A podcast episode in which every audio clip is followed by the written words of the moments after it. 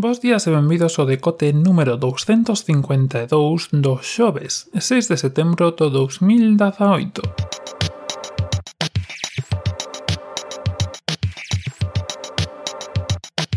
Bos días e benvidos a este novo decote, a esta nova tempada, podemos chamar isto tempada 2 tamén, si queredes. Teño que revisar cosas do audio e eso porque non sei se me soa mal polos meus auriculares, que son trapalleiros de todo, ou se soa mal porque algo está mal feito, mal posto, se o cable está gastado, bueno, non, o sei. Estiven facendo probas e parecía que así como menos mal sonaba, así que así queda. Dito isto, empezamos na tempada e empezamos falando de cousiñas. Foi un tempo, pois a mediados do verán será, vin por Twitter alguén que descubría que existe un plugin, un, bueno, un engadido para para Chrome que permite compartir, bueno, non exactamente compartir, eh, o que se está vendo en Netflix. Un plugin que se chama Chrome, eh, que se chama Netflix Party, e que basicamente o que, o que fai é recoñecer eh, que estás no, no visor, de, no reproductor de Netflix, e eh, habilitar unha sala onde compartir o que estás vendo con outras persoas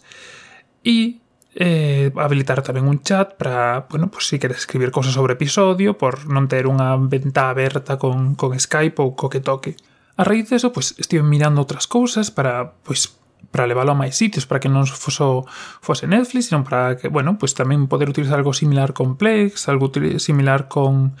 Amazon, algo similar con Hulu, algo similar con HBO, bueno, con YouTube, incluso algo que permitise facer, pois ver ao mesmo tempo eh, digamos, calquer cousa que houvese en vídeo na rede. E que non fose, pois, evidentemente, a opción máis sinxela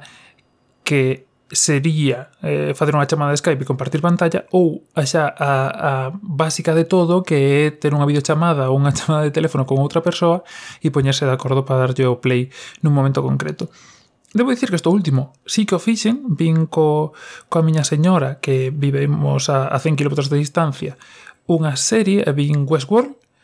pois fará ano e medio a primeira tempada. E pois sí que facíamos isto de, de darlle e, e de parar e, bueno, a veces era un pouco lío porque, claro, eh, alguén tiña que facer algo, ir a por paso de algo que fose e paraba, e paraba antes do que paraba outro e, bueno,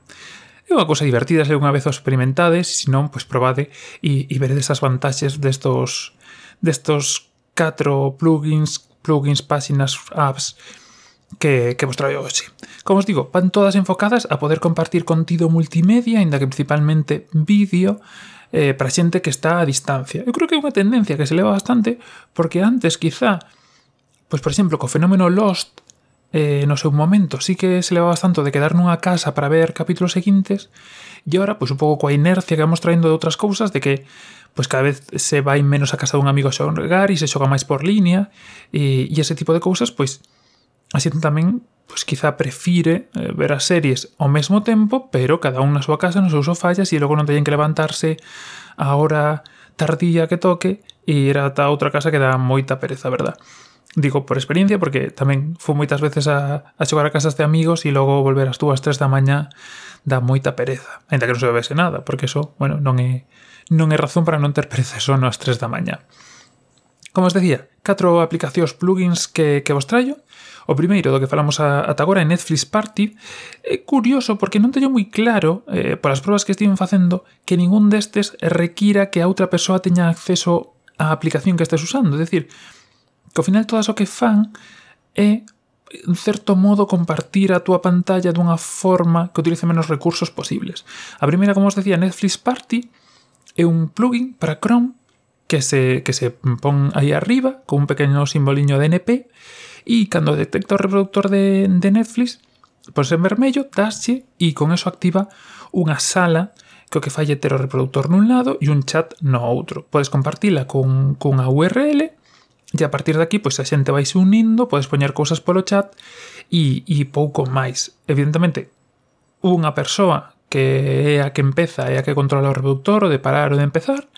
e o resto posiblemente se unen e, e siguen por aí. Pero isto, como os decía, está moi limitado, está só para Netflix. Así que, ampliando un pouco máis o espectro, ou dirixindo cara a outro lugar, temos Sync Launch, que é unha aplicación web que sirve basicamente para facer algo similar pero con Plex, cos vosos servidores de Plex. Conéctase directamente ao servidor, así que penso que esta debe ser das que mellor funcione, porque, eh, sin meterme moito nas tripas, o que debe facer é coller directamente o servidor para varias fontes a través do teu propio usuario, porque tens que te identificar co teu usuario, indicarlle que servidor e dese de servidor o que queres ver. Igual que o resto, abre unha sala de chat con un abre unha sala con un chat y eh, dende aí podes compartir. Entendo que como pide tantos permisos para Plex, o que fai é enviar a señal directamente do, servillo, do servidor a, aos teus amigos, compañeiros de visionado para que a latencia e todo sexa menor. De todas formas, sin launch, antes de iniciar,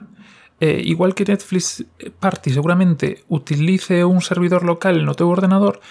Sign Launch está utilizando, tendrás servidores cando, cando empezas a reproducción e podes elegir dun deles, un en Australia, outro en Europa e outro en Estados Unidos, se si, si non lembro mal. Elixes o que menos latencia teña e a partir de aí. E tamén che dá opción de utilizar un servidor propio. Pero bueno, eso xa é unha opción bastante máis complexa para, para todo o que ten. Entón debe facer pues, unha doble sincronización, un sistema así, un, un servidor onde terás a de chat e logo os vídeos que estés vendo directamente do teu servidor de Plex. De novo, opción bastante interesante. Logo temos dúas opcións un pouco máis básicas ata certo punto no nivel de implementación, pero moi completas. A primeira sería Gaze e a segunda sería Rabbit. Básicamente isto reproducen calquer cousa de vídeo que teñas na pantalla, fa unha sala de chat con con máis opcións para para poder vela. A primeira, como os digo, Gaze eh, está bastante completa.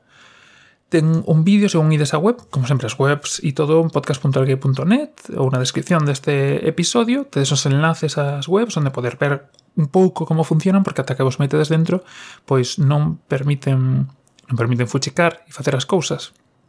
Gaze quizá gustame máis que Rabbit por unha cousa que logo vos explico. Eh, Gaze permite de todo, podes poñer unha webcam, yo teu micro e ver con a webcam e o micro a persoa co que estás compartindo, está un pouco diseñada para solo dúas persoas, pero bueno, moi completa e como os digo, pois desache ver. Aquí sí que é un pouco que decía antes de compartir directamente a tua pantalla co outra persoa e logo, pois, a propia aplicación o que fai meteros a videochamada, coa voz e todo para que o teñas todo integrado nun só sitio. E logo, por último, unha que me parece un pouco piratilla además, vamos a decirlo así, dentro de todo o que estamos falando, que é Rabbit, que fai todo isto nunha súa sala, non ten videochamada, nin ten ningún desos, desos servizos, pero podes facer salas abertas. Entón, se vides a Rabbit agora, creades unha conta e te pedes xente que ten salas abertas. entonces basicamente podes ir ali e empezar a ver unha serie que este outra persoa emitindo ou vendo e esa é unha parte un pouco que, que xa non me gusta tanto. Mm, creo que está moi ben que permitan facer salas privadas, como é o caso de Netflix Party, de Sin Launch e de Gays, pero o tema de que as teñan abertas e calquera se poña se poida poñer a ver é unha cousa que xa non me gusta tanto e que supoño que debe ter pouco uso e por iso a xente pois, non se está metendo con ela, nin está atacando, nin nada, pero evidentemente é como se si foras a Twitch e empezas a emitir un vídeo. Que si, sí, Twitch, o propio Twitch fai no, porque fai acordos cos dereitos de, de emisión de, de diferentes cousas, pues estuvo emitindo, creo que vai emitir ahora Pokémon, estuvo emitindo outras series, eh, Power Rangers, se si non me equivoco, ou, bueno, diferentes series cos que teñan acordos, pero a nivel privado facelo e que a xente se poda unir unha cousa que xa non me gusta tanto. De novo, o sistema, como vos decía, é similar ao de gays, unha sala con xente, podes invitar a xente que queiras, e ao final, pois, o que faz é emitir o que tes ti na pantalla con un navegador. En, en, en Rabbit sí que permite que controles ti o navegador ou que controle outra persoa. É dicir, ao final é como estar compartindo a pantalla e dar permisos para controlar esa pantalla tamén a outra xente. Pero bueno, ten esa parte que quizá me disgusta máis. E bueno, son catro ocios, boas ocios, que non ten límite de usuarios, excepto gays pola parte que vin polo tema de, de videochamada, e que dan ocios para non ter que estar co teléfono ou estar con, con outros sistemas, pois máis básicos, vamos a decirlo, controlando, controlando para ver outras cosas. Pero parece unha idea moi boa, a verdade non o pensara, xa non só para a nivel particular, sino pois incluso a nivel de, de blog ou de grupos de xente ou eh, do que poden ser entendamos grupos de lectura pois que se trasladen ao mundo do visual, de grupos de visionado para ver películas, para ver series en conxunto, intercambiar opinións e parece unha opción moi divertida e interesante, pois sempre que se faga evidentemente con un pouco de sentido e un pouco de, de forma. Pero bueno, estas catro CIOs saliu Netflix parte polas redes e parece moi boa idea darlle unha volta e ensinarvos as opcións que había, que tedes e que podedes usar para ver cousas a distancia, sexa a distancia uns metros, uns kilómetros ou uns miles de, de kilómetros. E nada máis por hoxe, nada máis por esta volta. Seguiremos falando de como, como vai ser esta nova tempada, pero hasta aquí por hoxe.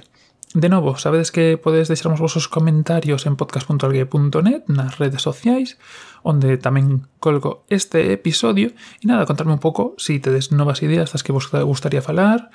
ou cosas que vos gustaría que tratara, ou algo en concreto interesante que vos pasou este verán e quedes compartir con todos nós. Nada máis por hoxe, nada máis por este xoves, que teñades un bo día, un saúdo e ata a próxima.